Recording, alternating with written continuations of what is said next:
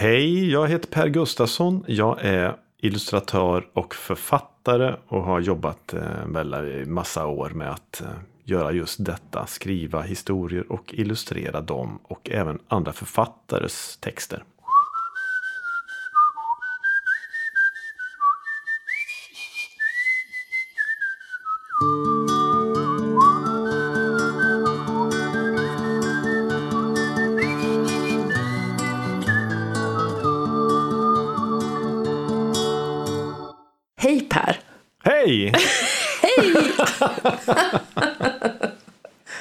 Är så glad att du vill prata med mig. Tack för att du vill prata med mig. Ja, men det är jätteroligt eh, att du vill prata med mig. Ja, ja men vi har ju träffats några gånger i Lilla Bokskåpet. Du var där på eh, när vi hade invigning eh, och läste ur eh, den boken som du precis hade släppt då tillsammans med Emma Virke om barnen på förskolan Valen. Just det. Men sen så har du ju också varit i Lilla Bokskåpet tillsammans med Anders Sparring och eh, agerat och pratat om eh, böckerna om familjen Knyckert Ja, precis. och livetecknat. Så att vi har ju träffats men jag har ju inte fått chansen att ställa alla de här frågorna som eh, Nej, jag undrar. nej men precis. Och eh, jag tänkte att om du vill börja med att berätta. Jag tänker att vi ska liksom. Jag vill veta vad som, hur det kommer sig att du debuterar 1995 med boken Stoppa bollen! Hur var är vägen dit liksom? Har du alltid hållit på att teckna och, och skriva för den delen? Vad är din, ja, berätta. Jag har nog alltid ehm, ritat. Jag tror att jag hade väl en, någon, någon sån här eh, period mellan 11 och 13 kanske som jag inte ritar. Men annars så ritar jag ju som ett barn, som barn gör. Och sen så kom jag upp i puberteten och så eh, när jag är ute i skolorna så, så brukar jag alltid säga att anledningen till att jag började rita var att jag försökte imponera på en tjej i klassen som hade en storebrorsa som var jätteduktig på att rita och hon var så imponerad av honom. Av honom. Så att jag Ah, så du vill imponera på henne? tänkte att ska jag ha en chans på henne så måste jag liksom kunna styla med fina teckningar och sådär. Ah, Jag tror att det är sant. Nu har jag berättat det här så många gånger så att ibland när man berättar historier så vill de liksom ta en, få dem i eget liv. Men jag tror faktiskt att det här är sant. men Och, ja, och det, blev, det blev inte någonting mellan oss sådär. Men, men då väcktes ändå den här lusten att göra bilder så att jag satte igång och måla tavlor och kände att det där var så himla roligt. Så att det blev min grej under tonåren just det, fast du hade, du hade ritat mycket som barn och sådär, men att det var, var det att du började visa upp det då för, för, henne, för andra och för henne, eller vad var det som gjorde att det ändrades där? Jag vet inte riktigt. Jag, hade, jag minns inte att det var ett behov av att visa folk. Eh, men det kan ju ha varit så där att man alla söker väl något slags uttryck i de där unga åren. Liksom, vad är jag för någonting? Och jag var någon som ritade och målade tavlor och så. Men det tog ganska många år innan jag ställde ut och tog ansvar för, för det som jag uttryckte på det sättet. Liksom. Utan Jag, tyck, jag Men- gillar liksom att sitta och, och hålla på med det där. Ja. Och tänkte du att, du skulle att det skulle vara liksom i bok, alltså bokens form? Nej, nej, det, det var ju jättelångt bort då. Då målade jag tavlor och, och var lite så surrealistisk, eh, Salvador Dalí-aktig och målade mm, märkliga saker och så. Ehm, Så det, då hade jag inte kommit fram till historierna än. Nej. Men eh, det, fröet var väl sått att gör man en bild så finns ju någonting att berätta om den där bilden. Så att, eh, men det tog ju inte förrän vi kom fram till när jag flyttade till Göteborg och var i 20-årsåldern så, så började jag och mina vänner som höll på med bild att rita serier som var, blev populärt när Galago kom. Och Just sådär. det. Så att eh, då eh, hittade man ju på en liten historia som sträcktes över en A4 och man fick upp liksom nio rutor eller flera och sådär. Och så började det och så fanns det en mitt och så fanns det en liten poäng på slutet. Så då, det var väl där jag upptäckte att det fanns historier att berätta. Och det var ju nästan, ibland så blev det som små poetiska prylar liksom. Jag, jag skrev saker då när jag var en känslig tonåring så skrev jag liksom poesi också när jag var som Ja. värst. Vad fint. Ja, jag var faktiskt nere i källaren och tittade. Jag letade efter en grej idag. Så jag var nere i källaren och så. Men jag tordes inte öppna den här pärmen med, med en ung mans poetiska utsvävningar. För det var, åh, det var mycket som var smärta och ensamhet. Liksom. Det var det. ja. Åh. Men jag, jag, jag suger på det något år till. Sen så går jag ner och, och läser det där. Ja, just det. Ja, nej, men jag fattar. Det, man behöver nog vara, ha en särskild rustning kanske för att ja, öppna Ja, de där. Man, ja, alltså man får ju vara lite förlåtande mot sig själv också när man var ung Ja, men verkligen. och, och liten. Men jag tänker, fanns berättandet i ord med när du var liten också, som barn? Eh, eller var det mer ritandet, tecknandet? Ja, Som... då var det ritandet, så att nej, jag, jag berättade ingenting eh, som barn. Nej. Det gjorde jag inte, utan eh, det, det kom där när jag började göra serier så upptäckte jag att, eh, att man kunde hitta på små stories liksom, som var väldigt eh, komprimerade då. Så att eh, det var... Eh, Stoppa bollen kom vi till, då hade jag flyttat till Stockholm och gick runt och visade upp mig både på reklambyråer och på bokförlag för att försöka få in någonting. Och då hade jag nog, då hade jag skrivit någon konstig historia som, som jag gick runt med. Och de, jag fick väl liksom väldigt vänliga svar på den där historien. Men det var ingen som ville ge ut det då, utan eh, det var Rabén som hade en, eh, en bilderbokstävling som, eh, som jag lämnade in det här förslaget Stoppa bollen. Mm. Och den vann ju inte heller, men de tyckte ändå att den var så bra så de ville ge ut den. Mm.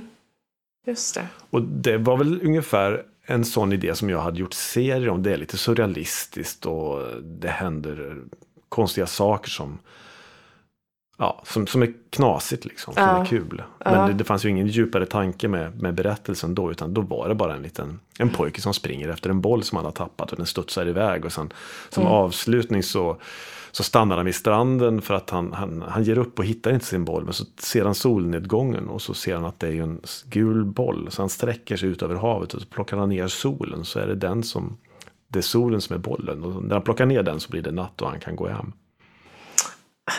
Åh, jag sitter och ler jättebrett. Gud vad fint. För den finns ju inte längre. Jag har inte sett den liksom i mer än på, ja, eh, på, på bild när man söker på den. Men det, det Ja, känns ju nej. verkligen, det, det, det, ja, det är ju en Per Gustafsson-berättelse. Ja, det, ja, jo, men det kanske är det. Eh, Jag undrar om inte Marcus Gunnar hittade den på något antikvariat och sa att han hade köpt den. Jag tror att det var någon sån här tidig Ah. bok av mig. sen. Jag vet inte om man tänker använda den som slags utpressning. Det är väl, det är väl inte jätte... Nej, det är en kul historia men, men det är väl så att man skulle kunna bli lite... Få lite skämskänsla Ja. över bilderna sådär. Det är inte riktigt bra ritat. Men det var en början. Ja, det var precis. Det var ju en början och en debut. Och sen så började du, efter det så illustrerade du ganska mycket åt eh, till andras texter ett tag. Eh, Ja. Efter, alltså Mats Svenblad till exempel. Och ni gör ju jättemycket ihop sen genom åren. Ja, vi, ja precis. Det, det blev ju så att han eh, flyttade in på det kontoret där jag satt i Stockholm. Mm. Så att det blev, jag fick eh, en kontakt på Handikappinstitutet som de ville ge ut en bok som handlade om funktionsnedsättning. Så att, och, och jag visste ju att Mats hade skrivit saker. Han satt och översatte film och, och liksom skrev massa grejer. Så jag frågade honom över en lunch bara sådär att om han hade lust att spåna en idé Mm. om, om det där temat. Och då eh, kom han tillbaks några dagar senare med, med Lille Ving. Som handlar om en fågel som inte kan flyga. Just det. Så det var vårt första samarbete och, och sen eh, den där gick ju förbluffande bra. Den, den översattes till, till tyska och den liksom det hände massa saker med den. Och vi, det här var ju nästan första böckerna så vi tänkte väl att det här är väl, det är väl så det är. Mm. Att, eh, att det blir stort och att det översätts till massa språk och sådär. Speciellt till tyska, det har ju inte hänt sen förrän Knyckertz kom. Så det, var- det var ett glapp på, på 30 år innan jag fick en bok översatt till tyska igen. Eh, men, sen så, så skrev ju vi, eh, eller vi hittade på eh, Operation Rädda Fröken och Operation Ja, just det. Genom parken så var någon slags deckare i bilderboks Ja. och förskolemiljö. Just det. Och Imma och Diesel gjorde vi också som vi tyckte var en jätterolig bok. Som byggde på att det är två knasbollar som går in på ett zoo. Och så, samtidigt så kommer det en dimma och vältrar in över den här zoologiska parken. Och man ser inte vad det är för djur. Men håller man upp sidan mot ljuset så ser man vilket djur det är. För att det finns tryckt på andra sidan. Vi tyckte vi var så otroligt påhittiga där. Ja, det var ni ju. Ja, men jag vet inte, den, en av de här böckerna som, som bara slukas av det här svarta hålet som de flesta böckerna ramlar ner i. Ja. Men det var ändå, eh, alltså här någonstans så är det det som du tänker att det här ska jag, nu, nu ska, det här ska jag göra nu. Fortsätta med liksom, att göra, att göra böcker. Ja, nej, men jag tror inte att jag uttalar sådär. Jag försökte överleva som, som illustratör. Ja. Så att eh, jag tog nog massa andra jobb som handlade om ja, men, rita någon jävla grej till någon reklambyrå också. Sådär. Ja, ja. Men, eh, men, men att göra bilderböcker, det var ju en väldigt trivsam sysselsättning. Så att jag gillar ju det. Ja. Det, det, var, det gav mig ju mera... Ja, men det, det kändes ju vettigare än att hålla på och göra reklamgrejer. ja. Så att, eh, men jag tänkte nog inte tanken att det här, nu, nu, ska jag bli bilderboksberättare och bilderboksskapare. Jag, jag tror inte jag uttalar det så. Nej. När uttalar du det? Gör man det någon? Nej, jag, jag vet inte. Eh. Det, det, Vad- hur tänkte du? Nu ska jag bli bokhandelsföreståndare för all framtid. Och så ser man en vision. hur- nej, hur, du nej, liksom, precis. nej, men jag tänker mer att man, man... åker väl lite med ibland Ja, bara i ja. livet. Just det. Även om man tar beslut att det här ska jag fortsätta med och jag ska öppna en bokhandel och sen så får vi se vad som händer. Men Ja. ju, man rullar igång stenar liksom. Ja, kan man just säga. det. Det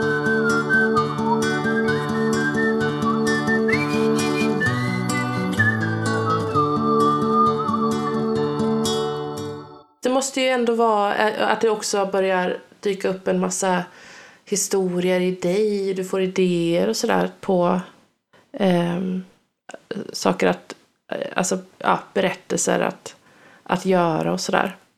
Men vilken, vilken bok kom som jag hittade på? För att jag, jag, brukar inte, jag tycker inte att jag överfalls av jättemycket historier i mitt liv hittills. Det, det har kommit några men det, det, har, det kommer inte sådär så att jag liksom sållar bland alla idéer som jag har.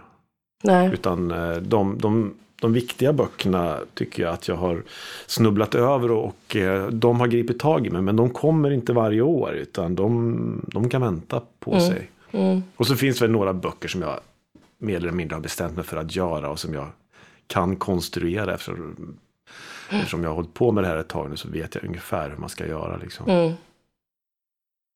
Men det var väl prinsessböckerna som, som, jag, som jag skrev Just som kom efter. Det var väl liksom det första som Precis. tog tag. Den kommer ju, Så gör prinsessor kommer 2003. Mm. Eh, och det, det är ju kanske den karaktär som du är mest känd för. Eller nej, Knyckertz, familjen Knyckertz kanske är Ja, det men Knyckertz nu. börjar väl komma ikapp men, Ja. nej, men jag, jag håller nog med dig att eh, det, är nog, det är nog många som ser mig som prinsesspär fortfarande.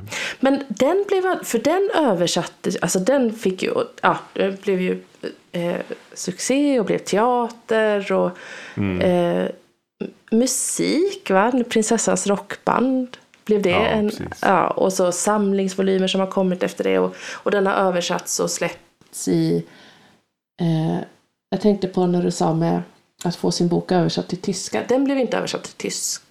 Nej, inte till tyska men Nej. massa andra språk Ryssland och faktiskt. men, eh, Kina och ja, Vietnam och sådana länder känns ju väldigt Ja. häftigt faktiskt. Att, att den släpptes i och översattes Ja. till. Ja.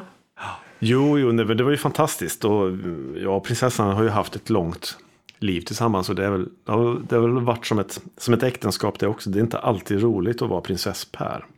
Nej, Och, men, men det är ju så där, ja men alla förskolor förknippar ju mig med, med prinsessan. Om de förknippar mig med någonting så är det med prinsessböckerna. Mm. anade du att det skulle bli en sån succé som det blev när du gjorde den? Nej, det, det gjorde jag inte. Och det var väldigt segt i början för att eh, vi gjorde den här boken Och sen sålde den slut på upplagan och jag var sådär, eh, nej men vad roligt, ska ni trycka till nu då? Och då var det så här att, nej, alltså det här är ju, det behöver inte betyda att de tänker köpa mera om vi trycker en större upplaga nu, utan då brukar det vara så där att man, man trycker upp en ny upplaga och sen så kommer det böcker tillbaka från första upplagan och så sitter man med hela upplagan. Så det var en väldigt defensiv situation vill jag minnas med förlaget då. Mm. Och jag tyckte det var jättekonstigt för att jag tänkte, men vad fan, säljer det nu så måste man väl liksom hugga på det. Mm. Och sen så blev den vald till barnens bokjuryn, heter den va? Barnens, det var en, en, en sån där tävling som barnen röstade på. Mm. Som fanns under ett par år. Och då kom den eh, två eller tre eller någonting. Och då, då fick jag ju ringa till förlaget igen och säga, men nu måste ni ju trycka upp böcker för att nu har ju den här fått ett pris. Eh, och det finns inga böcker att köpa längre. Och då tyckte de upp den, en ny upplaga och då sålde den också slut. Och då började det rulla på med den boken. Så den sålde väl ganska bra. Men ja, vad roligt att du fick ringa upp och ligga på. Alltså, är det så? Det måste ju de ha märkt också, att den Ja, fick det men- här priset. Och, ja. Ja men precis, men, men det är ju en märklig bransch, bok, Ja. bokbranschen. Så att eh, de var väl, de var vana att, att det inte liksom tog fart sådär. Så att det är väldigt försiktigt. Man trycker Ja. små upplagor fortfarande och sådär. Man trevar sig och känner sig fram och tänker hela tiden att det kommer, det kommer inte att sälja. Och det, det är väl ofta så att det säljer faktiskt inte. Så att det finns väl en, en försiktighet där. ja, det är klart. Precis. Men prinsessor. Det är så roligt berättargrepp också tycker jag. Att det är plural. Alltså att det är liksom eh, så här gör prinsessor. Men det handlar ju om en prinsessa. Eller? Ja, precis. Jo. Ja. Ja, men jag skrev det här har väl det här har jag ju berättat tusentals gånger så att det känns jättetråkigt att berätta om. Jag förstår. Det var, jag men det förstår. var, ju, det var ju min dotter som, som nu är 24 då, som när hon var fem så kom hon hem och sa att prinsessor bara kan gifta sig och få barn. Mm. Hade hon, det hade de diskuterat av någon anledning på förskolan. Jag vet inte hur det där samtalet hade gått till riktigt, men hon kom hem och sa det där. Och då eh, sa jag att eh, det var ju konstigt. Jag har ju två döttrar så då tänkte jag jag får ju hitta på någonting med en prinsessa som visar hur hon egentligen hanterar saker och ting. Och då, då hittade jag på det och eh, då ja, men då märkte jag väl att det, att det fanns en väldigt rolig historia som, som kändes väldigt Mm. enkel och kraftfull. Och då, då nappade förlaget på det. När jag faxade in tror jag mina skisser och fick svar direkt. Mm. Så det gick undan då. Men då fanns det också en ändå tanke om att eh, alltså att det, det föddes lite ur frustration också över då att hon kom hem och sa det här och att du har två döttrar och du vill att de såklart ska kunna liksom ha en bredare bild av vad de kan göra och inte göra. Ja men då hade man ju märkt när man var ute i lekparker och umgicks med, med, med andra barn och att det var skillnad på, på killar och tjejer och sådär. Och att mina döttrar kunde vara mycket mera eh, avvaktande vem som tog plats i rutschkanan och sånt där. Ja, Så att jag hade väl de feministiska ögonen på mig liksom. Mm. Och det är väl sådär att de historierna som jag har hittat på har ju sprungit ut ur något, någonting som händer i mitt liv. mm, Och det är väl det som, när man gör så, då, då känns det som historierna blir mycket mer berättigande än, än de här som man konstruerar för att fylla någon annan funktion än, än att försöka ta reda på ens egna funderingar, hur de ser ut egentligen. mm, Så jag Just- blev ju sugen på att hur ska jag berätta, berätta det här för att eh, ge mina små eh, älsklingar liksom pondus och mm. att de har rätt att ta hur mycket plats som helst. Liksom. Precis, och de får göra eh, liksom allt. De får också såklart välja eh, klänning för dagen. Det får ju min son också göra naturligtvis. Och så får han gå ut och spela hockey. Ja, men precis. precis.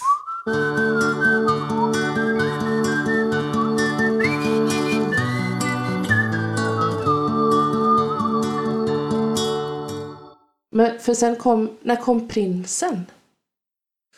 Jag tror att den kom väl eh, efter, då hade man väl jag gjort mm, två böcker till om prinsessan när ja. förlaget kände att det fanns ju en vits med att uh, berätta den andra sidan också. Och den var ju mycket mer komplicerad. Om man då ska liksom aktivera en prinsessa så händer det ju massa saker. Men om man ska få en prins att tagga ner och inte vara så himla macho och utåtriktat, vad blir det kvar då? Då går han omkring i ett slott och, och liksom softar. Mm. Så jag hade jättesvårt att få ut honom på äventyr i början där.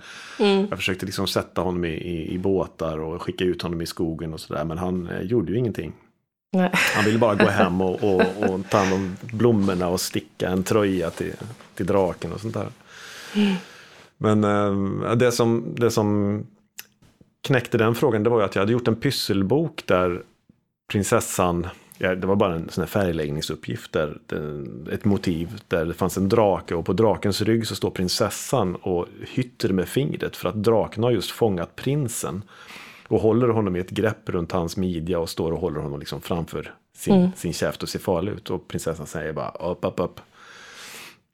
Mm. Och jag hade en kompis som eh, vars son hade eh, fyllt i den där, färglagt den, men han hade gjort det på ett annorlunda sätt. Han hade liksom med svart färg strukit över prinsessan och satt en bomb i händerna på prinsen. Och det tyckte jag var väldigt roligt. Då, då fanns det inte så mycket snack om incels och sånt där. Men eh, jag tyckte det var roligt att pojkens lösning är att eh, hellre spränga sig och draken i luften än att ta hjälp av en prinsessa. så att, och då kände jag att ja, men här finns ju lite sprängstoff. Om man, om man bara låter den här prinsen ta hjälp av prinsessan så kan det vara lite, ja. lite omtumlande för, för föräldrar med, med söner. Så där. ja, men, ja, det var så jag tänkte. Ja, så att den här första boken handlar då om att uh, prinsen måste ha hjälp med att fånga en drake. Och han misslyckas ju. Och det är det prinsen gör oftast. Han, han misslyckas med det mesta som han företar sig, men han lyckas med någonting annat som, mm. som är good enough. Sådär. Jag tyckte det var väl en eh, intressant syn mm. på mm. oss män som, eh, som ogärna misslyckas och mm. står för de misslyckandena vi gör. Sa han generellt. ja, precis. Jag har hört om andra som reagerar så. Eh, hur togs eh, den emot? Vad hände med när prinsen kom ut? Inte något speciellt tycker jag. Jag har alltid Nej. undrat varför eh, de böckerna inte har fått lika mycket gensvar som, som för prinsessan. För att den debatten om, om feminism och sånt där och hur tjejer har det, den pågår ju. Men den här mansdebatten, den den börjar väl komma igång lite grann nu, men det är inte, den får ju inte något stor plats. Liksom, och det är inte lika mycket papper som hör av sig och säger att det här var intressant. Det är, det, är ganska många mammor som hör av sig och pratar om prinsessböckerna. Mm. Och säger snälla saker, men eh, papperna lyser med sin frånvaro. Men de gör väl det överhuvudtaget. När man åker runt och läser på bibliotek så är det ju oftast mammorna som kommer med barnen. Mm. Det är inte jättemånga papper som är ute och aktiverar sig på det där sättet. Så att de hör väl inte heller av sig och, och vill diskutera mansroller med mig. Nej. Det är ju, eh, alltså då tänker man ju också att det behövs bara ännu mer liksom. Det behövs upp i, det, det fattas ju tycker jag i, alltså det finns ju så många hål att fylla upp i mm. åldrarna där också med den typen av eh, representation av pojkar liksom. Alltså som inte ja. bara ska vara superhjältar och, och, och så. I, och, och, och liksom drakriddare och allt möjligt. Det kan de ju vara också. Men... Ja, ja men och, om man skulle vända på det, så nu vet jag nu finns det ju förläggare som säger att nej, jag orkar inte ge ut en bok till om starka tjejer. Nu ska vi göra böcker om svaga tjejer, de tjejerna som inte syns sådär mm. brutalt som prinsessan. så det går ju, mm. det går ju i vågor och det, det är ju sant. Det är liksom alla, alla måste få plats. Mm. Allas berättelser måste berättas. Och det är ju sådär att eh, det måste vara jättetjatigt att höra om de här starka tjejerna när man inte känner sig som en utan att man känner sig som en liten blyg viol som vill surfa lite grann i mm, bakgrunden. Mm, precis. Spännande och kul att det ändå blev en sån kraft i, i det där. Ja, det är jätteroligt att, det fortfarande, att de fortfarande lever. Så att nu, ja. eh, nu har vi ju en bra relation jag och prinsessan igen. Så att, ja. eh, jag håller på att skriva på en, en, en julbok där jag har en, en, en, gammal vän från gymnasiet som hon har hela tiden, hon är en sån här julfreak, så hon har alltid sagt att när ska boken komma, Prinsessor firar jul? Och jag har sagt den kommer aldrig. men nu ser det faktiskt ut som den eventuellt kommer. Nej men åh vad kul! Ja. Åh vad roligt. jag tror att det, som den ser ut nu så blir det lite grann att prinsessan får stå till svars för sitt eget så gör prinsessor. Ah. Att de får äta upp det lite grann. Att, okay. ja, så gör prinsessan men så gör inte vi andra. Nej, just det. Vad spännande. Åh, vad kul. det ser vi fram emot.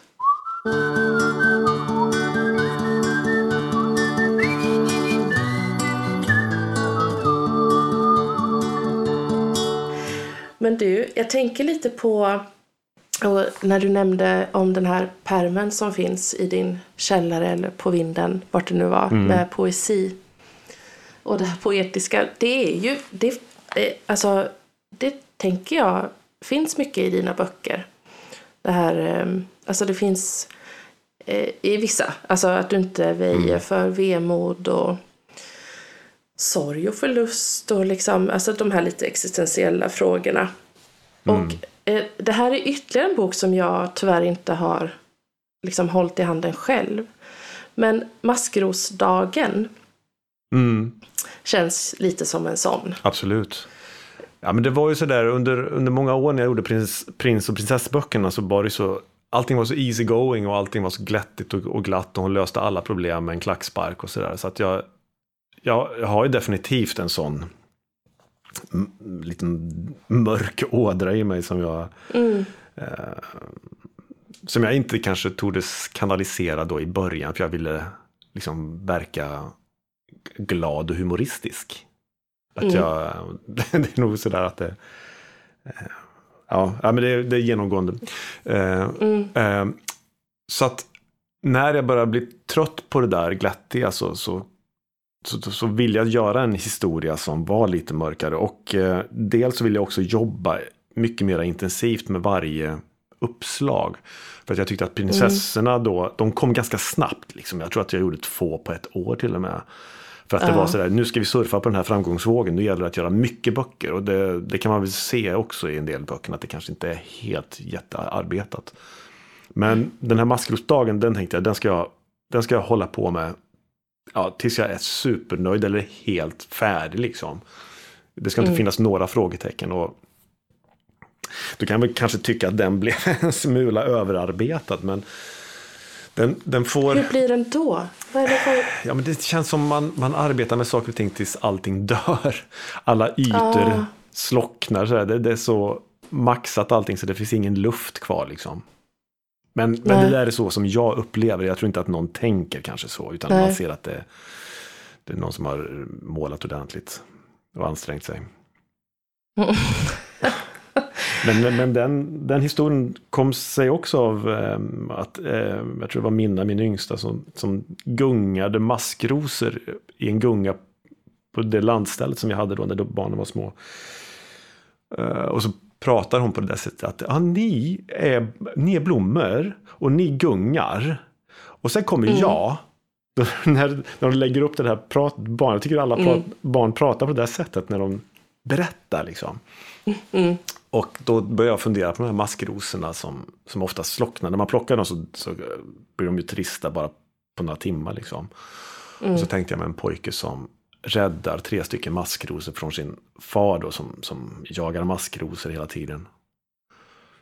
Och så blir han kompis med maskrosorna som, som får en väldigt snabb livscykel då, eftersom de, de blir gamla snabbt. Och eh, han försöker rädda dem och så, så dör de på slutet såklart. Mm. Och han, eh, man ser de här små fröna flyger iväg. Och då planterar ju de sig så att när han vaknar på morgonen så finns det nya maskrosor. Mm. Men den här boken fick en väldigt rolig, eller ja, inte rolig, men en allvarlig. Eh, det hände någonting med den för att när pappa, min pappa blev gammal eh, och eh, så hade han hört en inläsning som jag hade gjort av prinsessorna och så, så var han så där, ah, men gud vad fint du läser, skulle inte du kunna läsa någonting på min begravning? Och då tänkte jag, men vad fan, jag kan ju inte, jag kan inte läsa prinsessböckerna. Liksom. Det känns jättekonstigt. Men sen, något, något år senare när han faktiskt dog då, så, så började jag fundera på hur jag skulle göra med det där. För det var en önskan som man hade att jag skulle läsa någonting. Och då kom jag att tänka på Maskrosboken och så började jag sådär, kommer jag klara det? Kommer jag kunna läsa en bilderbok på min fars begravning? Och vi var ju inte många, vi var ju familjen, så, det var ju bara väldigt, väldigt intern begravning. Eh, Men jag hade ju alltid sagt så där, att bilderböcker kan man använda i alla sammanhang och det ska man inte läsa bara för barn utan det är för alla. Och eh, du var ju tvungen plötsligt att stå för det där. Att inte banga att läsa en, en bilderbok i ett sånt allvarligt sammanhang som en begravning och min pappas begravning. Så att jag pratade med min syster och eh, frågade om hon tyckte att det var okej att jag läste den där och då tyckte hon det. Och så, så läste jag den. Mm.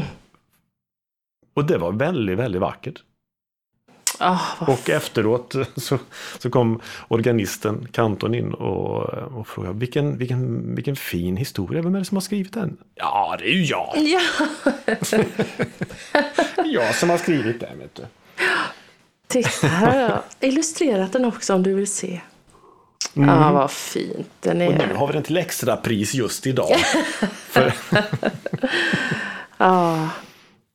Wow, vad, vad otroligt fint och vad modigt och starkt att göra det. ja, ja, det var...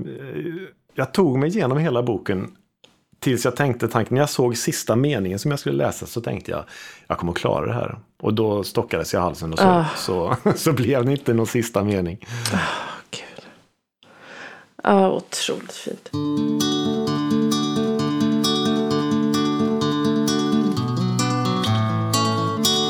Temat återkommer ju i flera av, av dina böcker om. Men eh, eh, inte minst kanske i den senaste. Att det känns som det finns ett släktskap mellan de här. Maskrosdagen kanske och pojken, pappan och björnen. Ja, precis. Den handlar ju också om min pappa, faktiskt. Ehm, det handlar väl egentligen om att jag blev så överrumplad över att känna mig föräldralös. För min mamma hade ju gått bort tidigare då. Så, det, så pappa var den som var kvar av mina föräldrar sist. Och så när han gick bort så blev förvånad över kraften i den känslan av att vara föräldralös. Som jag inte trodde, för han var ju gammal. Det var inte något spektakulärt med, med, med att han, han dog för att han var gammal. Så det var ju helt riktigt. Men det var konstigt. Eh, och då mindes jag att jag hade förklarat för någon kompis som frågade hur det var med min pappa så där innan han dog. Att, jag sa att han har blivit så gammal så han ser ut som en gammal stubbe. Och sen så förvandlas det, det där meningen till att han, han blev så gammal så han ser ut som ett träd. Ett gammalt träd, knotigt. Och så fastnade den meningen i huvudet på mig att eh, det var en gång en pojke som hade en pappa som blev så gammal så han blev förvandlad till ett träd. Mm. Och den där meningen eh, snurrar runt liksom under en period och sen så börjar den, men hur skulle det vara, vad gjorde de innan och vad gör en pojke med en pappa som har blivit förvandlad till ett träd? Och som, som växer mitt i köket och, och puttade ut väggarna och förstör det huset som de bägge har eh, levt i tillsammans. Mm. Och den, den tog jättelång tid, men, men det var också en sån där... Eller det var en historia som jag inte hade någon direkt avsikt att eh, snabbt göra klar, utan den fick gro jättelänge, så den tog ju sex år ungefär att, att skriva klart. Men då var det ju också jättelånga pauser där jag... ehm, när jag sprang på någonting som jag tyckte verkade sådär, oh, det är väl typiskt att, det, att man ska hitta på en sån här grej. Det så, I den här processen, berättande processen så, så då stoppar jag alltid när jag känner att det här är ju fake. Det här har jag ju bara hittat på liksom utan, eh, utan att ha någonting belägg för det. Och så, var den, så, så skrev jag inte på den på tre, fyra månader. Sen tog jag fram den och så då fick jag plötsligt någon ny infallsvinkel. Att jag, det här skulle, så här skulle det kunna bli. Så kom jag en liten bit längre. Men så fort det kändes falskt eller påhittat eller sådär krystat så sket jag i det. Och då hamnar jag någonstans eh, där jag inte hade varit tidigare i mitt historieberättande. Och det var ju, det var ju lite överrumplande också för att eh, då visste man, jag kunde känna att det här, så här ska det vara. Men jag kan inte förklara varför. Nej. Spännande. Ja, ja men det var just för att jag inte hade någon, jag hade ingen egen tanke på att när det skulle bli klart. Utan mm. jag lät det få vara sådär konstigt. Mm. Eh, det dyker upp en björn sådär och det mm. händer. De mm. sjunker och ja, men det, det mm. händer massa saker som, som jag själv inte riktigt kunde mm, förklara för mig själv. Utan jag kände bara att det här, så här har jag aldrig hittat på tidigare. Det här känns bra liksom. På, ett, på ett konstigt sätt. Eh, kan du se vissa saker i liksom retrospekt? Eller kan du se hur vissa sak, saker hänger ihop nu? Eller får det liksom som att det blir tydligt för dig nu vad det handlar om, även fast det är där och då, när du gjorde det inte? Nej, det, det, jag kan inte förklara Nej. de här händelserna i, boken. Nej. Annat än att jag vet att det ska vara sådär. Ja. Och det kan inte se ut på något annat sätt. För det var en så stark jag... känsla i, i dig liksom. Ja, jag vet att det är sant. Ja, just det. Och det, det, är ju det som är så, jag vet ju att jag, jag var på Laurie Anderson eh, i lördags. Oh. Den här, ja, fantastiskt. Ah. hon är ju en sån historieberättare och hon berättar också såna knasiga historier som man bara känner att jag förstår ingenting vad hon vill säga med det här men det är så bra. Ah. ah. det finns någonting med vissa, vissa berättelser som på något sätt liksom sätter sig i själen på en. Ja. Så kände jag när jag hade bestämt mig för att så här ser pojken, pappan och björnen ut. Så kände jag att ja, men det här är rätt. Och i, i, liksom de, i färgerna och det här hur de övergår i liksom... Var det... Ja, det kom lite senare. Ja. Det var för att först så brottades jag med historien och sen Eh, det jag gjorde, jag, jag, kände att jag måste låta några få läsa det här för jag visste inte om det var liksom begripligt mm. alls. Så jag tänkte, vem, är, vem, vem, har, vem har en upp, det mest öppna sinnet och är klokast i branschen? Är Åsa Lind. Jag skickade till Åsa Lind. oh. Och hon, hon svarar jätte, alltså jättefint svar att hon, hon skrev det här, det här är jättebra. Jag önskar att jag hade skrivit det här själv. Ja, ja men. Och då, ja, men då blir man ju alldeles ja. stor. Och sen skickar jag också till en, en gammal gymnasiekompis som har varit med mig hela livet. Och hon, hon säger direkt, det här är ju en otroligt fin sorgebearbetning. Och då hade jag inte formulerat det alls så, att det var det jag berättade om. Nej. Att det var en, en, ett sorgarbete så. Så då, eh, kände jag också att jag hade befunnit mig någon annanstans när, jag, när den här historien byggdes. Det fanns inte någon sån här lo logik bakom utan man, jag gick bara på intuition. Mm. Och det kanske man också övar upp efter alla dessa år i branschen, att man har någon slags feeling som, som guidar när det är som bäst.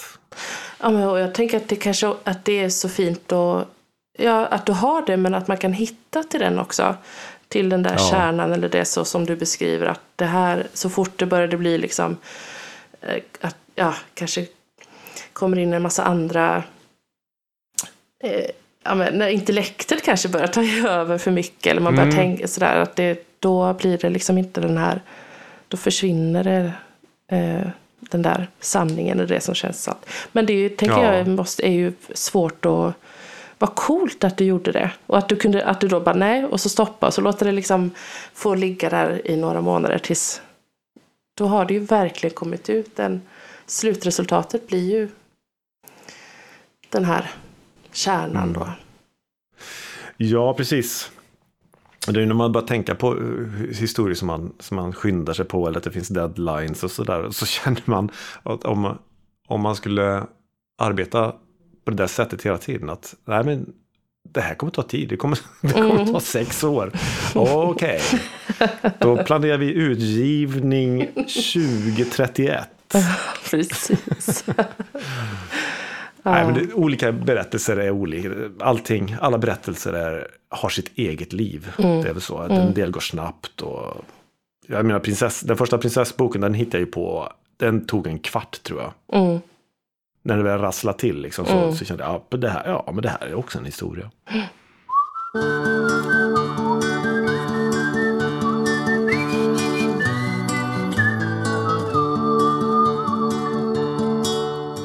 Till pojken, pappan och björnen så eh, finns det ju också musik.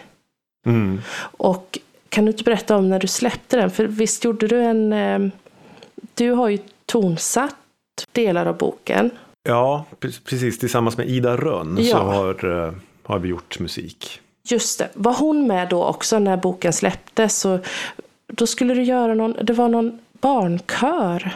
Nej? Ja, ja men det, det började så här att jag hade Jag har börjat ägna mig mer åt musik nu de sista åren så där, för att det är så Det är någonting som jag gör utan att någon ställer krav eller att jag ska göra någonting av det. Så jag tycker att det finns en kreativitet kring det där som, som jag inte upplever längre med kanske med bilder som jag gjort hela mitt liv. Men jag hade skrivit eh, några piano, eller konstruerat pianostycken till de här fyra kapitlen som boken består av. Och så frågade jag Ida om hon inte hade lust att spela dem under tiden som jag högläste boken, om vi skulle få något sånt tillfälle någon gång. Och så skickade jag över de här låtarna och då sa hon att ja, men det här, så vi, vi skulle kunna göra, vi skulle kunna ta in min barnkör och så skulle de kunna sjunga de här grejerna. Och då liksom började vi koka ihop det där att jag skrev texter som, som funkade tillsammans med, med boken där jag sjunger. Och sen sjunger barnen och så, så sjunger vi tillsammans och så finns det några instrumentala stycken som också dök upp där. Och det här framfördes då på releasedagen av, av boken så att det fanns ståbas, flöjt, en barnkör och Ida på piano och jag visade bilder och högläste och sjöng. Så det var ju sådär en fantastisk dag Ah, eh, och kväll. Och det var väldigt mycket folk som var där och lyssnade och det var väldigt emotionellt. Och, ja, det var, en, ja, det var en fantastisk kväll. Nu är jag inte sorgsen mer Det grå det var förut Ljus och rymd är allt jag ser En himmel utan slut Nu är jag inte sorgsen mer en vind har tagit tag De goda tankarna blir fler och natten blir till dag du håller ju på mycket med musik också. Har du alltid gjort... Har det funnits med dig också? Eh, Ja, ja men det har jag gjort. När jag bodde i Göteborg så hade jag ju, spelade i ett, ett band tillsammans med en annan tecknare, Anders Nyberg. ja, just det. Så att vi, då rockade vi ju runt. Hänger det ihop för dig, liksom? Musiken och bilderna och berättandet? Eller hur? eh, Ja, men alltså, musik har nog alltid varit en, en del av mig och jag lyssnar väldigt mycket på musik och eh, jag tycker det, musiken kan hjälpa mig när man jobbar med en bilderbok för då kan jag ibland så har jag liksom förknippat en speciell bilderbok med en speciell sorts låt eller och då kan det hjälpa till och, och, att komma i stämning för att jobba med den här boken. Att man Mm, just spelar det. just det här stycket eller att man sätter sig i en Mm. känslomässig eh, situation som, som hjälper när man ska rita och hitta på saker. Så du har musik på när du sitter och jobbar, liksom? Och både, både när du ritar, och tecknar och skriver? Ja, Ja. Behöver du det för att, för att kunna jobba? ja, jag tror att jag behöver musik för att leva överhuvudtaget. Ja. ja. Jag tror det skulle bli väldigt eh, tomt. Jag, jag, jag tycker ju musik är fantastiskt för det, det räcker med, med tre ackord i en viss ordning så framkallar man på några sekunder en känslostorm. Liksom, som, som jag tycker att det får man jobba ganska länge på för att få fram när man skriver en text eller ritar en bild. Jag tycker att det är den längre startsträcka på, på bild och text än det på musik. Den är så himla nära och, och rätt in på. Liksom. Mm. Men du, du vi gjorde ju ett litet hopp där. Det har ju kommit så himla många fina böcker. Och eh, eh, Skuggsidan som ju fick också Elsa Beskow-plaketten.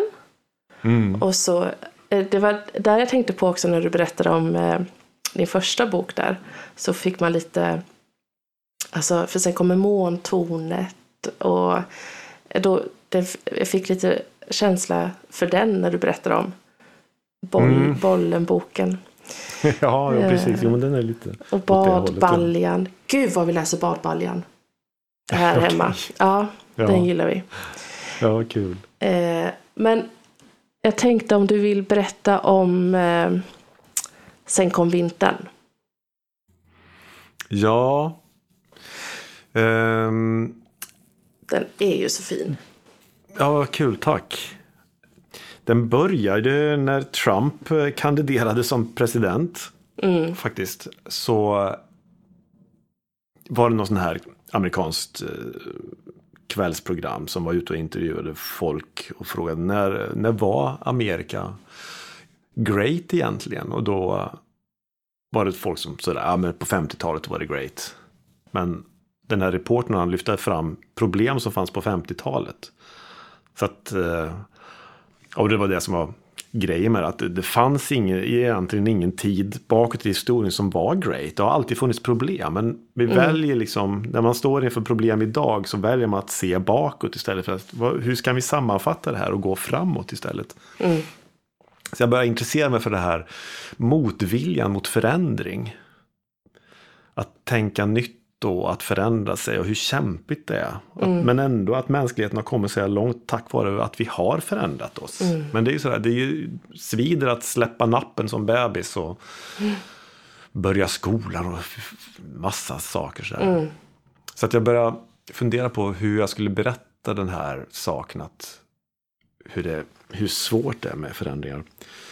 Så kom jag väl tänka på att det vore ju bra med, en, med att göra djur. För då slipper man ju redovisa eh, någon slags eh, samhällelig hemvist. Vad det är för hem vi kommer ifrån och sådär. Så det, i, I djurens värld så, så finns det inga sådana indikationer på vad vi är. Vilken klass man är eller sådär. Utan det, det är bara djuren är djur. Och den här haren han byter ju päls men han har så dåligt minne så han glömmer ju bort det mellan varje pälsändring. Så det är det som är problemet med hans förändringar då. Just det. Och samtidigt som, som det här, samtidigt som jag hade skrivit den här texten så, så uh, havererade mitt äktenskap också. Så att Ah. det, jag befann mig liksom i lite fritt fall när det gällde förändringar. Och då funderade jag på så här att jag undrar om det var mitt undermedvetna som startade den här historien om förändringar. Just för att jag kände att det är någonting på gång. Eller, Ja, just det.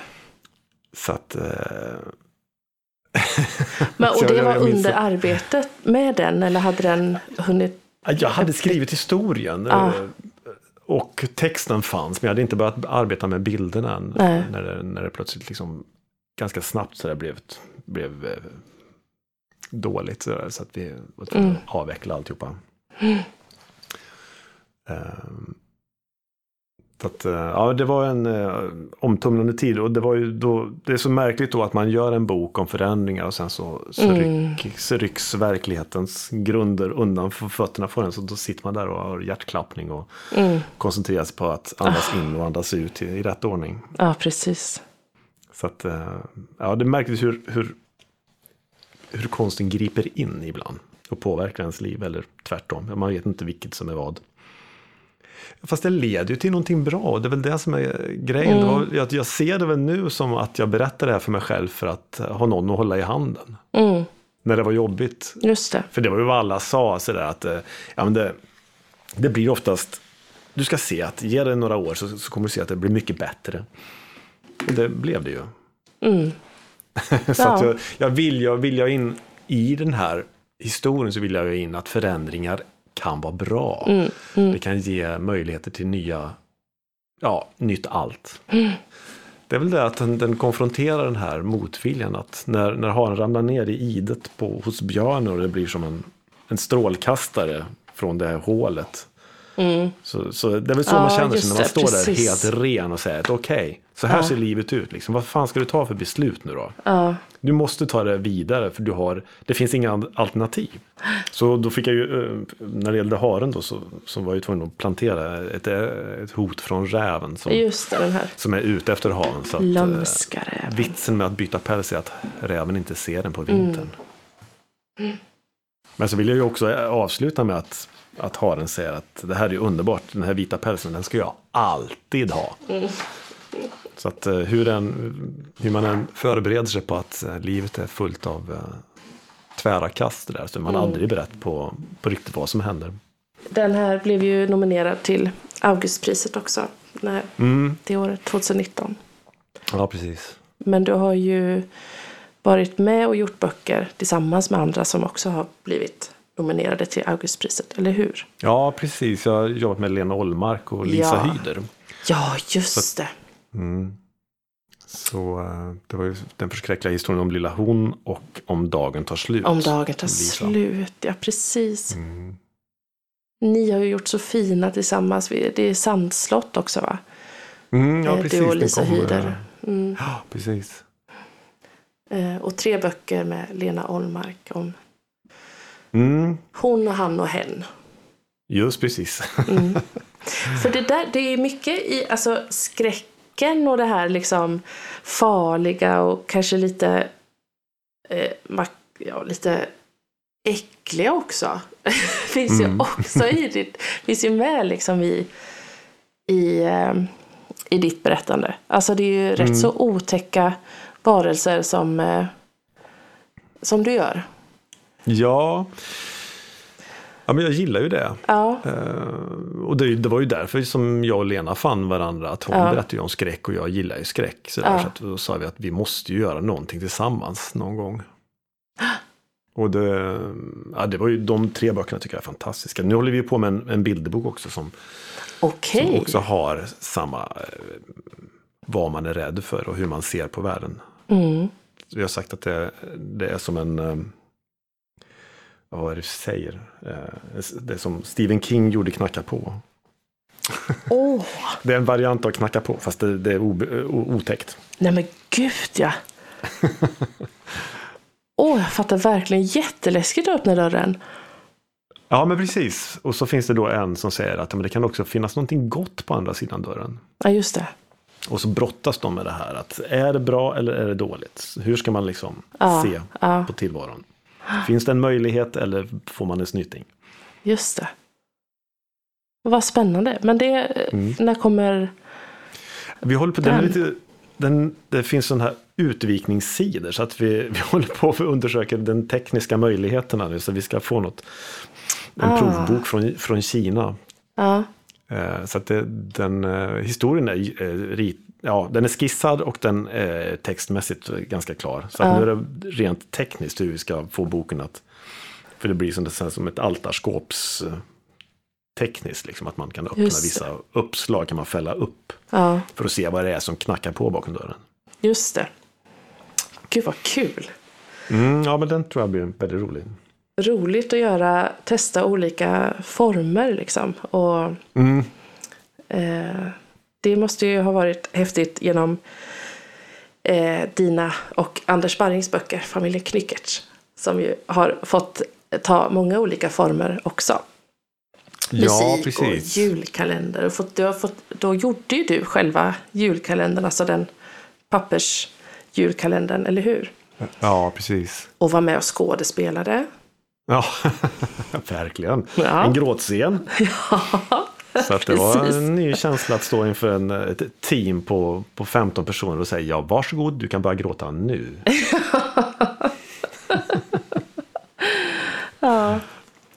Alltså att jobba tillsammans med andra och illustrera andras texter kontra att göra det helt själv. Är det mm, kul att ha den liksom, variationen eller vill du göra mer av det ena eller andra? Eller? Nej, men det är väl kombinationen som, som jag gillar. Ja.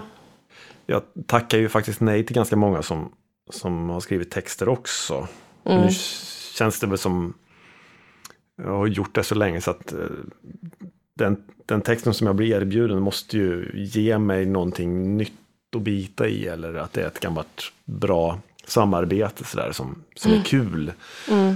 Eh, då är det ju, ja men det är blandningen som är, som är bra. Mm. Att man, man jobbar tillsammans med folk och man jobbar själv och sådär. När du jobbar själv, kommer, hur kommer, liksom, kommer texten först för dig? Eller, eller bilden, det är texten?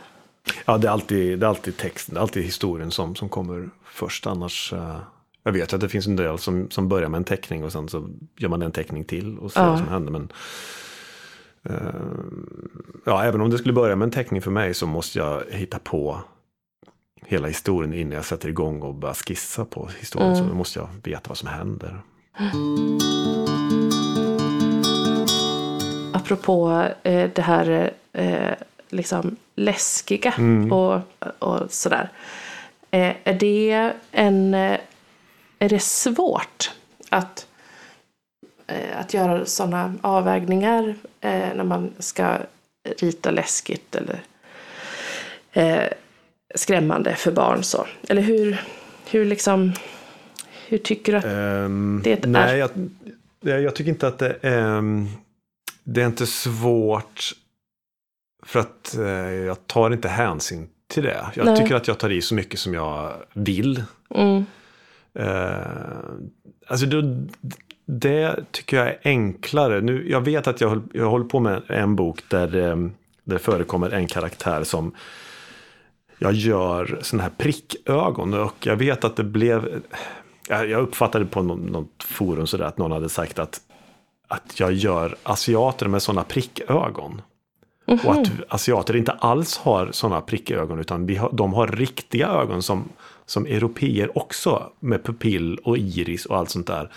Men och då plötsligt så började jag tänka, när jag gjorde den här karaktären, jaha, nu ska vi se, kan jag göra sådana här ögon eller kommer folk bli arga på mig för att jag gör, för att de tror att det är en asiat?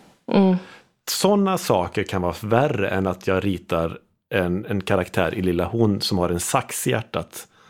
Där det blöder. mm, För att man vet inte riktigt var gränsen går när det gäller liksom representation. Och är det här, är det här för brun hud? Mm, Eller är det för ljus hud? Är det för många vita med i den här historien? mm. Det är en sån där gungflyd som man plötsligt kan känna att åh vad svårt, hur ska jag göra här? Alltså jag har ingen mörkhyad med i den här berättelsen. Mm. Så då måste man sådär, nej men jag bestämmer för att den här historien innehåller bara den här sorten. Och så, så nästa historia så kommer jag att ta upp andra människor. Någon funktionsvarierad och sådär. Men, Mm. Men just det här skrämmande eller äckliga, liksom, det tycker jag att Just i förskolan Valen så tyckte jag att det var jätteroligt att göra den här lilla killen som kräks. Och det, den här flickan som har ett brännmärke i ansiktet efter strykjärnet. Det är ju, jag tycker det är så befriande. Och är det så att de vill skälla på mig där så ja, men kör igång. och det var ju en del som hörde av sig till förlaget och, och, och tyckte att det var det var någon, någon pappa, det är alltid papper som hör av sig. Han, Den här pappan sa att Per hade jobbat med psykotiska färger. Då känner man ju liksom. Kom igen, hit me med dina psykotiska färger. Men, men jag tänker, det där måste, det är ju också, måste ju väl vara en, alltså ett samarbete och en process att liksom gå igenom med förlaget och med redaktörer och med allt som, alltså det är ju liksom ett samarbete innan det hamnar, innan det går ut. Men har du fått backa där någon gång? Nej, jag har aldrig gått tillbaks och ändrat någonting. Jag vet att vi gjorde en bok som skulle eh, Björn Sundmark eh, skrev en text som skulle tryckas i, eh, göras i Kina för något internationellt samarbete. Och eh, det fanns kinesiska beställare där och jag hade gjort ett gäng barn som blir väldigt, väldigt rädda. De har klättrat upp i ett träd och när man blir rädd så ser man inte så snygg ut längre. Och de sa att eh, skulle den här tecknaren kunna ändras så att barnen såg lite sötare ut? Och då, ja, men, ja precis. Och eh, det här var ett projekt som, som jag kunde ha eller mista så jag sa att nej, det kan jag inte. Nej. Och Björn han hade ju kontakt med de här kineserna. Det var liksom, och då fick han antagligen reda eller hans, hans kontakt befann sig nog i hierarkin över de som hade klagat. Liksom. Ja. Så att det kom ett, ganska snabbt så kom det ett mejl att nej, nej, men du behöver inte ändra de där ansiktena. Vad intressant. För att när man inte har någonting förlorat då är det ju ganska skönt att bara säga nej, nej, det kan du glömma liksom. Det är de här ansiktena eller inte, jag skiter i vilket. Liksom. Ja, ja. Men ibland så blir det ju svårare ö, överväganden. Så att jag vet att det, jag har ju kollegor som, som får, som utländska förlag vill köpa boken om de ändrar en bild. Som kan vara, verka lite kraftfull eller sådär. Och då får man ju fundera på hur sugen är jag att komma ut i det här landet. Och hur mycket gör jag våld på mig själv om jag tar bort den här bilden. Och det är ju en diskussion nu, jag var ju på Bologna-mässan i, nyss och det var en föreläsning om, om censuren som, som sprider sig över världen och som är ganska tung i USA. Liksom med, med, med folk som vill ba- band books och allt det här. Och eh, den här trass, vad heter den här, Beatrice Alemagna, den Trasselsudden. ja Där finns det ju en scen hos en slaktare. Mm. Flickan är ju inne hos en slaktare där och eh, i den svenska upplagan så håller han ju en kniv. Såklart, han är ju slaktare. Och på knivspetsen så hänger det en droppe med blod. I, I USA så fick de ändra det. Så att istället för kniven så, så pekar han med pekfingret på den här flickan. Och det, mm, ja, det är ju intressant eh, vad de försöker skydda barnen från. Om man ännu in, ändå är inne i en slaktarbord så borde man liksom, och, att man äter kött så kanske det är dags att konfrontera sig med att man äter djur. Så att jag vet inte. Jag vet inte vad, vad man försöker skydda barnen ifrån riktigt. Nej, precis och vad det säger om ja, samhället i fråga då, i ett land där, liksom, där vapen och så vidare florerar så fritt. Ja. På, eller, liksom, på, eller att det är också då något som man samtidigt ska skydda barnen från. Ja, det, det blir ju liksom, det säger ju någonting om, om det amerikanska samhället i det här fallet. Nej, men och det, och de, är ju inte ensamma. Det är ju, det är ju flera länder som också vill, vill snygga till saker och ting. Jag vet ju Helena Willis hade ju problem med ett förlag i Tyskland som inte, då gjorde hon inte Lasse med utan hon gjorde någon annan serie. Och de vill inte ha en litet barn med uppnäsa. Alltså uppnäsa, man, man gör en båge med två prickar i så det ser nästan ut som ett litet tryne sådär. Ja, just det. Hon sa att vi vill gärna göra den här boken men du kan inte, du får, eh, vill du inte ändra näsan så tar vi en annan tecknare. Är det s- Vad var det med näsan då? Varför, varför, var, Jag vet varför? hon tyckte att, eh, att barnet såg inte tillräckligt sött ut.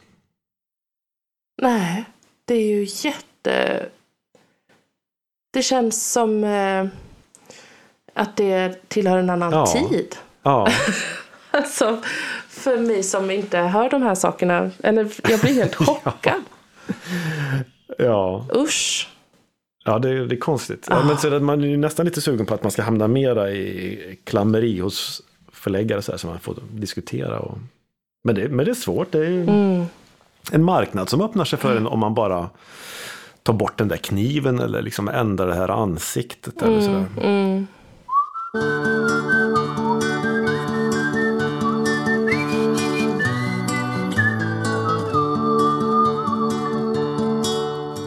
har du det med prestationsångest?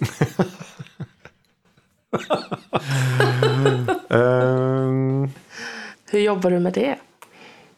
Ja, men när jag jobbar så tror jag när jag väl kommer igång så tycker jag nog inte att det är så stort problem. Det är väl när man går omkring och inte jobbar och tänker på mm, var man har hamnat och vad man...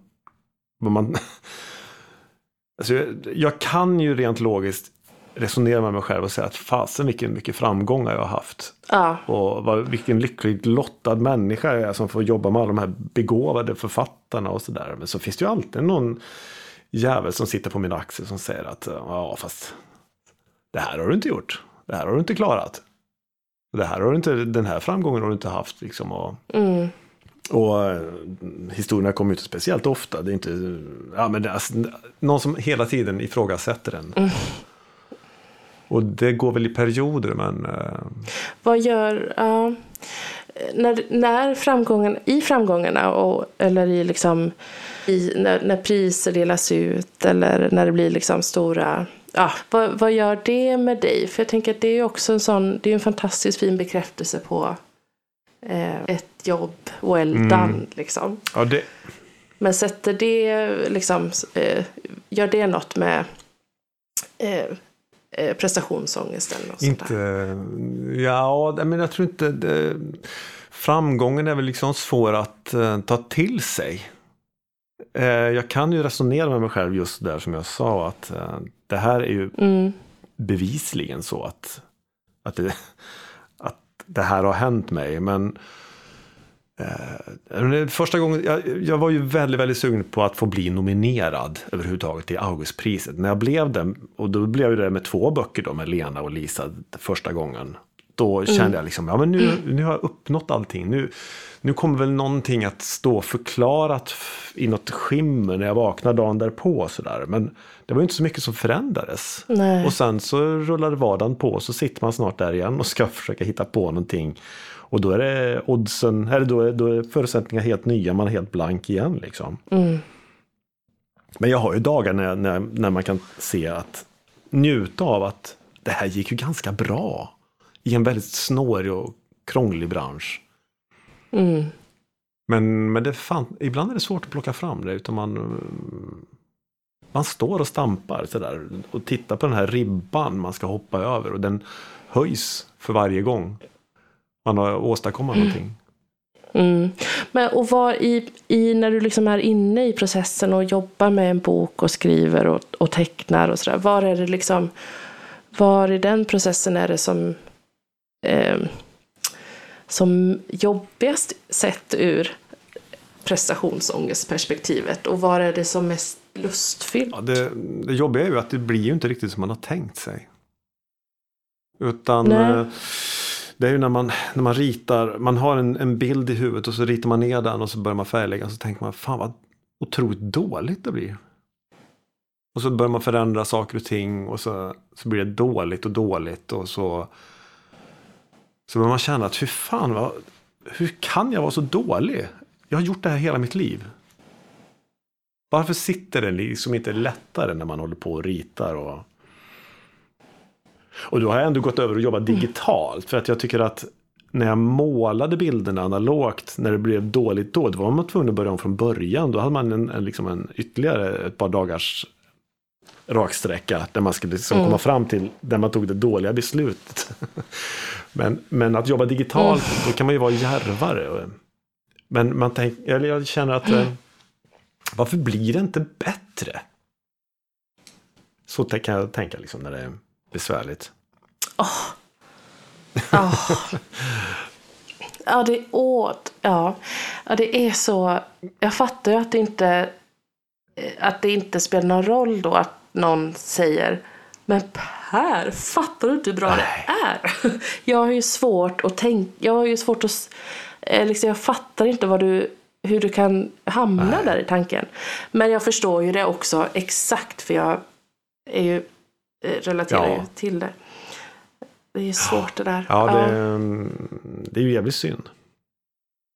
Slöseri Mm, med verkligen. negativa tankar. Ja. Men på något sätt så, så ingår det där att man hela tiden anstränger sig. ja, just det.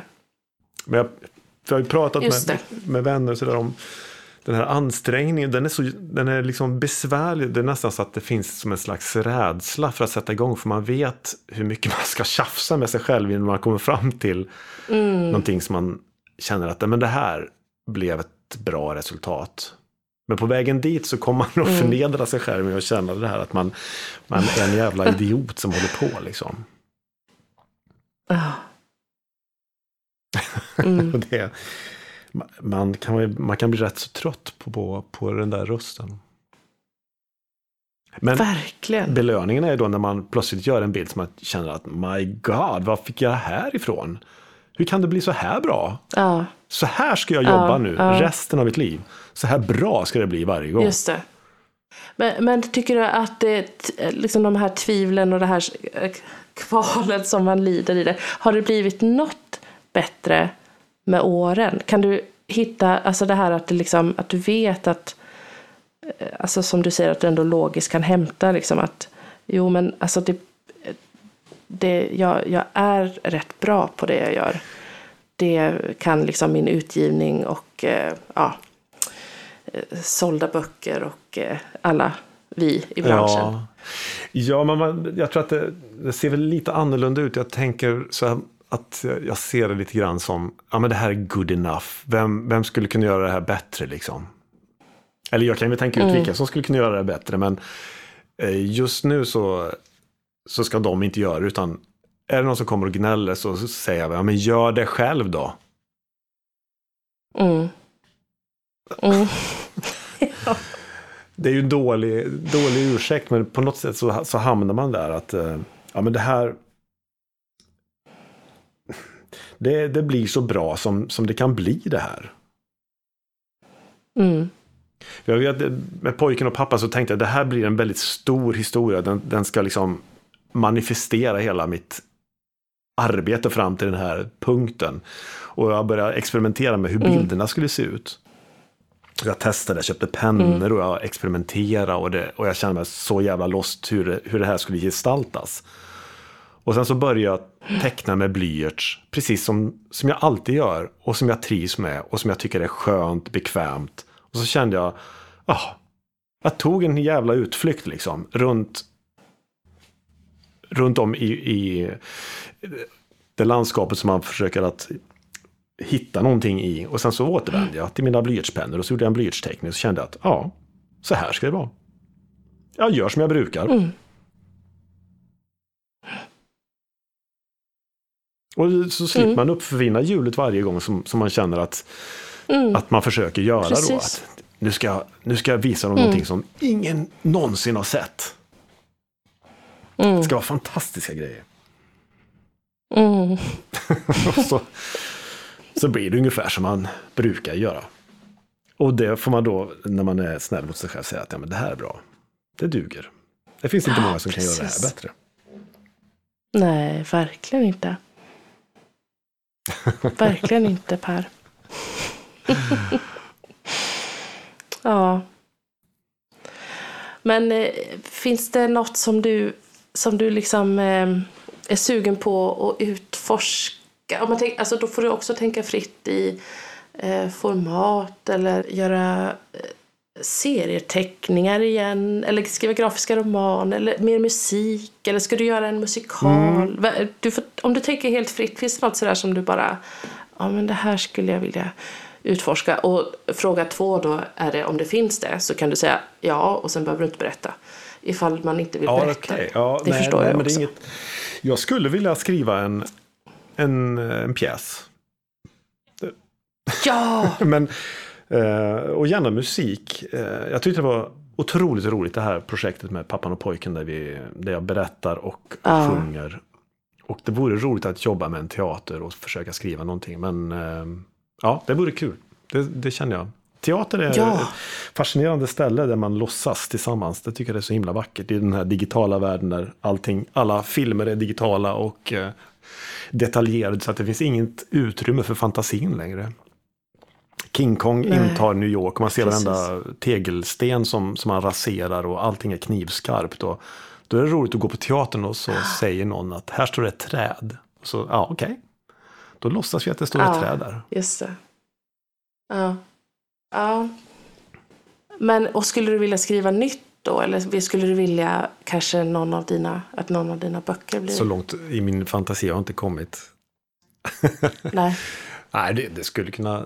Nej, men jag skulle nog vilja hitta på någonting eh, som är avsett för teater. Ja. För man måste ändå skriva om det så mycket. Det är, det är ett helt annat sätt att berätta. Ja, liksom, så just att det. Vad fint. Det ser vi fram emot. Hur ser ditt tvivel ut? Men alltså. Ja. Ja, det är... Nej, men det är... Nej, men Per, det är alltså... Det handlar om att eh, jag har haft tur. Så ingen har upptäckt än. Det är det. Ingen har förstått Nej, nej, men det bluffen. där, det där tåget sitter vi allihopa på. Så det kan du... Det, det kan vi gå och ta en fika på det tåget. Ja, du, ja, men det är ju bara, och det är ju bara tur. Och om det är någon som tycker att det är, eh, om att något som man gör är bra så fattar väl jag att det är för att vara snäll. Det förstår Ja, väl jag. Hur skulle, skulle, skulle du våga säga om du inte tyckte det? Nej, Ja. det ser du. Ja, och så alltså sådär. Och Ja, gud. Oj, oj, oj. Nej, men, och sen ibland är tvivlet, tycker jag, så fysiskt också. Jag mår ofta Ja. illa. Alltså, jag kan nä- nästan inte ta, säga saker rakt ut utan att typ... Eh, ja, jag, jag låser mig och bara... Usch, kastar mig på golvet och typ... Ah. ja. Eller ducka, krypa ner bakom soffan liksom och säga jag är inte här. ja. Nej, Jag precis. har, jag har gått hem för dagen. Exakt. Kanske. Ja. Nej, men du är bra. Du är bra. Du då? Du är bra. Ja, Per? Tack och förlåt. ja jag säger väl som Anders Sparring. Jag förlåter dig.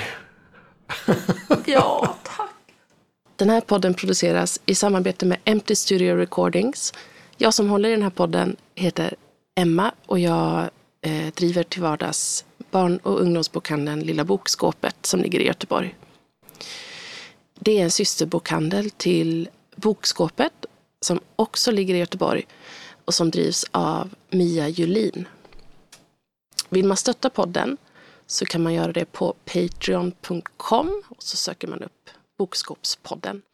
Klippet ni hör i programmet är eh, från albumet Pojken, pappan och björnen och låten Nu är jag inte sorgsen mer skriven av Per Gustafsson och eh, tonsatt tillsammans med Ida Rönn och barnkören Happy Voices.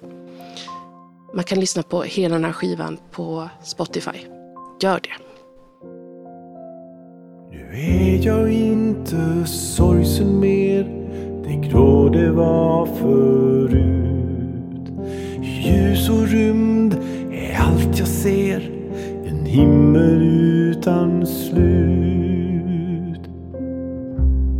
Nu är jag inte sorgsen mer. En vind har tagit tag. De goda tankarna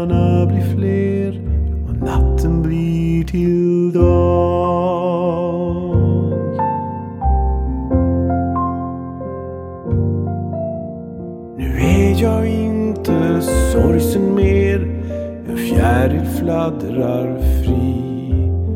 De ljusa känslorna blir fler Att mörker är förbi. Nu är jag inte sorgsen mer En sång hörs underbar. Tonerna blir fler och fler Och luften känns så klar.